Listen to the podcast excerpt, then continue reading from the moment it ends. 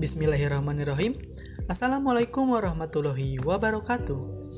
Di sini saya sendiri Gali Yoga Suara bersama dua teman saya Imaniar Afifah dan juga Melania akan menjelaskan materi mengenai keterampilan membimbing kelompok.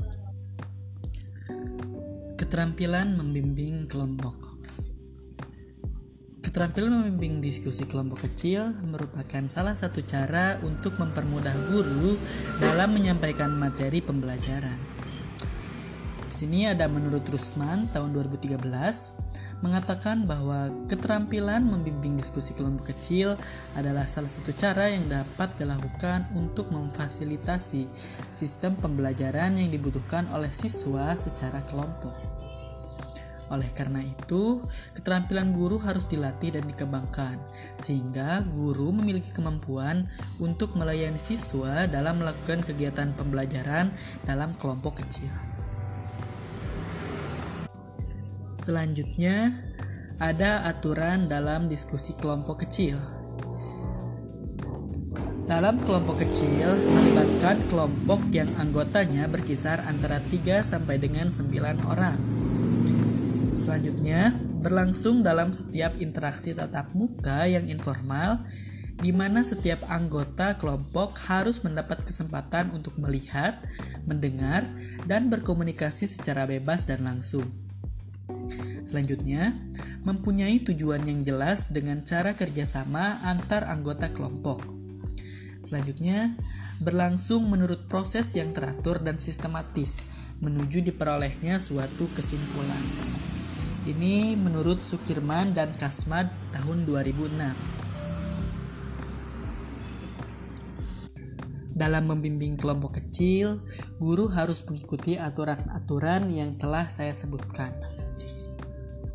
Selanjutnya, prinsip-prinsip keterampilan membimbing kelompok.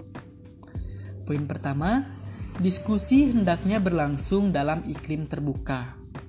Iklim terbuka ditandai dengan adanya keantusiasan dalam berpartisipasi, kehangatan hubungan antar pribadi, kesediaan menerima, dan mengenal lebih jauh topik diskusi, serta menghargai pendapat orang lain. Dengan demikian, semua anggota kelompok mempunyai keinginan untuk mengenal dan dihargai, serta dapat merasa aman dan bebas mengemukakan pendapatnya masing-masing. Selanjutnya, perlu perencanaan dan persiapan matang. Dalam melakukan diskusi kelompok, guru perlu merencanakan dan mempersiapkan tentang bagaimana diskusi kelompok tersebut akan berlangsung secara matang. Rencana-rencana ini berkaitan dengan metode-metode pembelajaran yang akan digunakan, pendekatan-pendekatan yang akan digunakan, ataupun media-media untuk membantu siswa dalam melakukan diskusi kelompok. Selanjutnya, topik yang dipilih hendaknya sesuai dengan tujuan yang akan dicapai, minat, dan kemampuan siswa.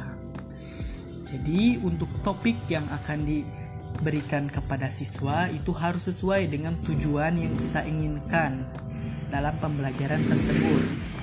Seperti misalnya, dalam pembelajaran bahasa Indonesia, ketika kita akan membahas tentang bagaimana cara membuat puisi dengan baik dan benar, maka topik yang akan kita pilih itu harus sesuai atau mengarah kepada siswa mampu membuat puisi dengan baik dan benar.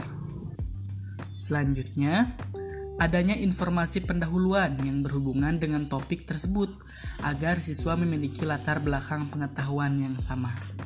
Sebelum diadakan diskusi, guru hendaknya memberikan informasi-informasi pendahuluan agar pemahaman dan pengetahuan siswa dapat tergugah sehingga siswa dapat langsung terkoneksi atau langsung memahami apa yang akan ia lakukan. Seperti contoh tadi, dalam membuat puisi kita harus memberikan informasi-informasi terlebih dahulu tentang apa itu puisi, tentang bagaimana puisi dapat terbentuk, sejarah-sejarahnya, dan lain sebagainya.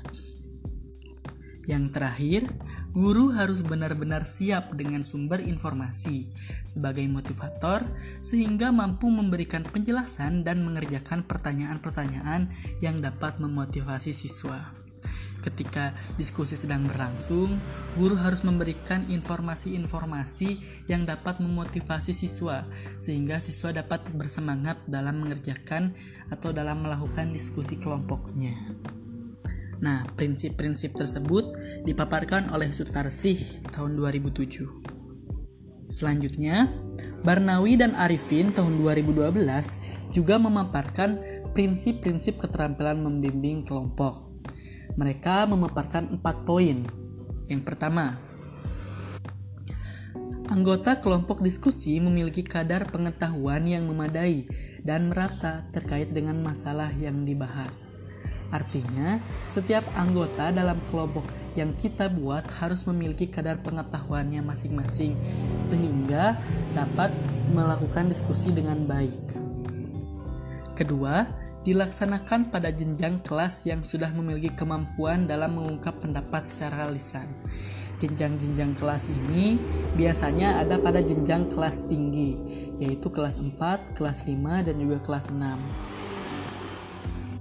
Pada kelas tinggi, siswa cenderung mampu mengungkapkan pendapatnya secara lisan dengan baik dan benar.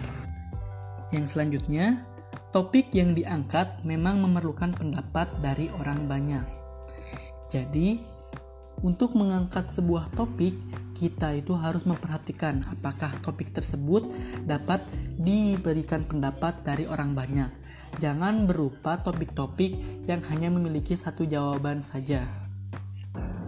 Dan yang terakhir, dilangsungkan dalam susunan yang saling menghormati.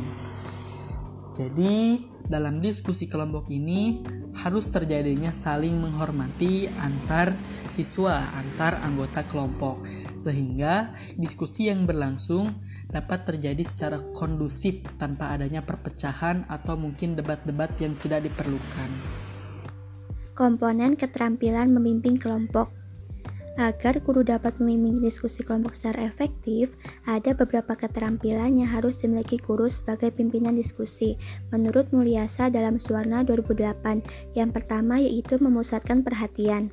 Kegiatan memusatkan perhatian harus dilakukan guru sejak awal sampai akhir diskusi, agar siswa tidak menyimpang dari topik yang dibahas atau tujuan yang ingin dicapai. Pemusatan perhatian siswa dapat dilakukan guru dengan berbagai cara, antara lain yaitu yang pertama, menyampaikan kembali tujuan diskusi dan bagaimana cara mencapainya. Hal ini dapat dilakukan dengan mengemukakan tujuan yang ingin dicapai atau pertanyaan-pertanyaan yang harus dijawab melalui kegiatan diskusi. Pernyataan tujuan atau pertanyaan-pertanyaan tersebut harus dinyatakan dengan jelas, singkat, dan cakupannya tidak terlampau luas, sehingga dapat menggugah rasa ingin tahu para siswa atau anggota kelompok. Yang kedua yaitu menyampaikan masalah-masalah khusus dan pada saat diskusi terlihat melenceng, guru mengingatkan kembali tentang hal tersebut. Yang ketiga yaitu mencermati setiap penyimpangan yang terjadi dan selalu mengingatkan supaya setiap kelompok kembali pada rambu-rambu yang telah disepakati. Bila penyimpangan terjadi, guru hendaknya segera menghentikan penyimpangan tersebut dengan cara yang halus agar tidak menyinggung perasaan siswa. Misalnya, dengan memberikan komentar yang membuat siswa menghentikan pembicaraan yang menyimpang atau mengajukan pertanyaan yang menyadarkan siswa akan terjadinya penyimpangan. Yang keempat yaitu membuat kesimpulan pada akhir subpermasalahan untuk menghimpun pendapat siswa tentang subtopik tersebut. Keterampilan yang kedua yaitu memperjelas masalah. Pada saat diskusi berjalan, kadang-kadang pertanyaan, komentar, pendapat, atau gagasan yang disampaikan peserta diskusi ada kalanya kurang jelas, sehingga jelas mengaburkan pada topik pembahasan. Kadang-kadang juga menimbulkan ketegangan atau permasalahan baru dalam diskusi. Oleh karena itu, guru atau pimpinan diskusi harus segera memperjelas terhadap pendapat atau pembicaraan peserta didik yang kurang jelas ditangkap oleh peserta diskusi lainnya. Untuk memperjelas setiap pembicaraan dari peserta diskusi, pimpinan diskusi atau guru dapat melakukan hal-hal sebagai berikut. Yang pertama, menguraikan kembali pendapat atau ide yang kurang jelas. Yang kedua, mengajukan pertanyaan pelacak untuk meminta komentar siswa untuk lebih memperjelas ide atau pendapat yang disampaikannya. Yang ketiga yaitu memberikan informasi tambahan berkenaan dengan pendapat atau ide yang disampaikannya, seperti melalui ilustrasi atau contoh. Keterampilan yang ketiga yaitu menganalisis pandangan siswa. Perbedaan pendapat dalam diskusi adalah sesuatu yang wajar dan sangat mungkin terjadi. Namun, yang harus diperhatikan oleh guru atau pimpinan diskusi adalah bagaimana agar perbedaan tersebut menjadi pendorong atau membimbing setiap anggota kelompok untuk berpartisipasi secara aktif dan konstruktif terpecahkannya masalah yang didiskusikan. Analisis ditunjukkan untuk meminta klasifikasi atau alasan yang dijadikan dasar pemikiran terhadap pendapat dari masing-masing anggota kelompok diskusi. Dengan demikian, semua peserta diskusi akan memahami dan menghargai terhadap perbedaan pendapat yang dikemukakannya. Setelah diperoleh informasi alasan-alasan dari masing-masing anggota berkenaan dengan pendapat yang berbeda-beda itu, maka selanjutnya pimpinan diskusi dapat menindaklanjutinya dengan mencapai kesepakatan terhadap hal-hal mana saja yang disepakati bersama, sehingga dari, dari diskusi tersebut membuahkan kesimpulan bersama. Keterampilan yang selanjutnya yaitu meningkatkan urunan siswa. Diskusi dalam pembelajaran antara lain adalah untuk melatih kemampuan berpikir siswa, yaitu melalui penyampaian ide, pendapat, komentar, kritik, dan lain sebagainya. Untuk memfasilitasi keaktifan, siswa ikut serta dalam kegiatan diskusi yang dilakukan. Ada beberapa aspek yang ditempuh oleh guru atau pimpinan diskusi, antara lain yang pertama, mengajukan pertanyaan-pertanyaan yang menantang siswa untuk berpikir. Dalam bertanya kepada siswa, kita terkadang sadar atau tidak sering mempertanyakan beberapa hal yang mungkin kurang tepat dilakukan karena kemampuan kita sebagai guru yang masih rendah. Dengan mengimplementasikan pertanyaan yang menantang, akan mampu membuat suasana pembelajaran menjadi lebih hidup dengan alur komunikasi yang sangat baik sekali antara pendidik dan siswa. Dengan memberikan pertanyaan, diharapkan akan ada suasana baru di kelas, sehingga tujuan pembelajaran akan tercapai. Dengan tercapainya tujuan pembelajaran, maka kualitas pendidikan akan meningkat pula. Yang selanjutnya, memberikan contoh-contoh verbal atau non-verbal yang sesuai dan tepat. Verbal adalah komunikasi yang berbentuk lisan ataupun tulisan. Contohnya adalah penggunaan kata-kata. Sedangkan nonverbal adalah komunikasi yang tidak menggunakan kata-kata. Contohnya menggunakan bahasa tubuh seperti mimik wajah dan gerakan tangan, bahkan intonasi suara dan kecepatan berbicara. Yang selanjutnya, memberikan waktu untuk berpikir. Untuk menjawab satu pertanyaan, seseorang memerlukan waktu untuk berpikir. Demikian juga, seorang siswa yang harus menjawab pertanyaan guru memerlukan waktu untuk memikirkan jawaban pertanyaan tersebut. Oleh karena itu, setelah mengajukan pertanyaan, guru hendaknya menunggu beberapa saat sebelum meminta atau menunjuk siswa untuk menjawabnya. Dan yang terakhir, memberikan dukungan terhadap pendapat siswa dengan penuh perhatian. Jika kita menerima pendapat siswa, sebaiknya kita apresiasi karena siswa tersebut telah berani mengemukakan pendapat. Kita bisa memberi tepuk tangan, acungan jempol, dan hal lainnya agar siswa tersebut merasa diperhatikan oleh kita. Keterampilan yang selanjutnya yaitu menyebarkan kesempatan berpartisipasi. Untuk mendorong partisipasi secara aktif dari setiap anggota kelompok, dapat dilakukan hal-hal sebagai berikut.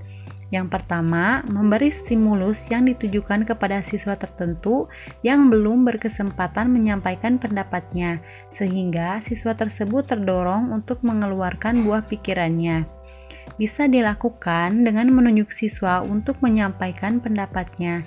Jika siswa tersebut malu untuk mengeluarkan pendapat, kita bisa meyakinkan siswa tersebut bahwa dia pasti bisa, bahwa dia pasti punya gagasan bila disampaikan akan bermanfaat bagi teman-temannya di kelompok.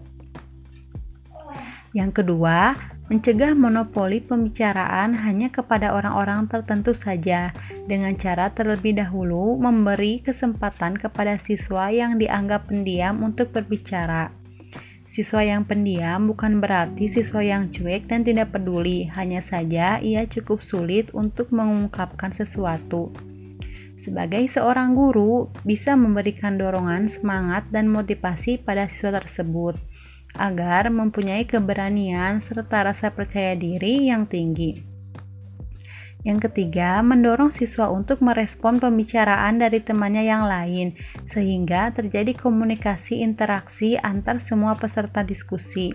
Misalnya, seorang siswa berpendapat dan siswa yang lain berkomentar atas pendapatnya apakah setuju atau tidak agar terjadi interaksi yang baik satu sama lain. Yang terakhir, menghindari respon siswa yang secara serentak, agar setiap siswa secara individu dapat mengemukakan pikirannya secara bebas berdasarkan pemahaman yang dimilikinya. Contohnya, kita bisa bertanya, kemudian menyuruh siswa mengacungkan tangan jika ingin menjawab pertanyaan yang telah kita sampaikan, sehingga kelas akan terkontrol dengan baik dan terhindar dari kegaduhan. Keterampilan yang selanjutnya yaitu menutup diskusi. Keterampilan akhir yang harus dikuasai oleh guru adalah menutup diskusi. Hal ini dapat dilakukan dengan cara yang pertama, membuat rangkuman hasil diskusi dengan bantuan para siswa. Ini lebih efektif daripada rangkuman hanya dibuat sendiri oleh guru.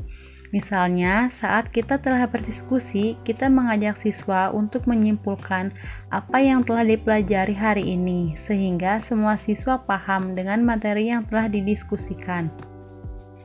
Yang kedua, memberi gambaran tentang tindak lanjut hasil diskusi ataupun tentang topik diskusi yang akan datang.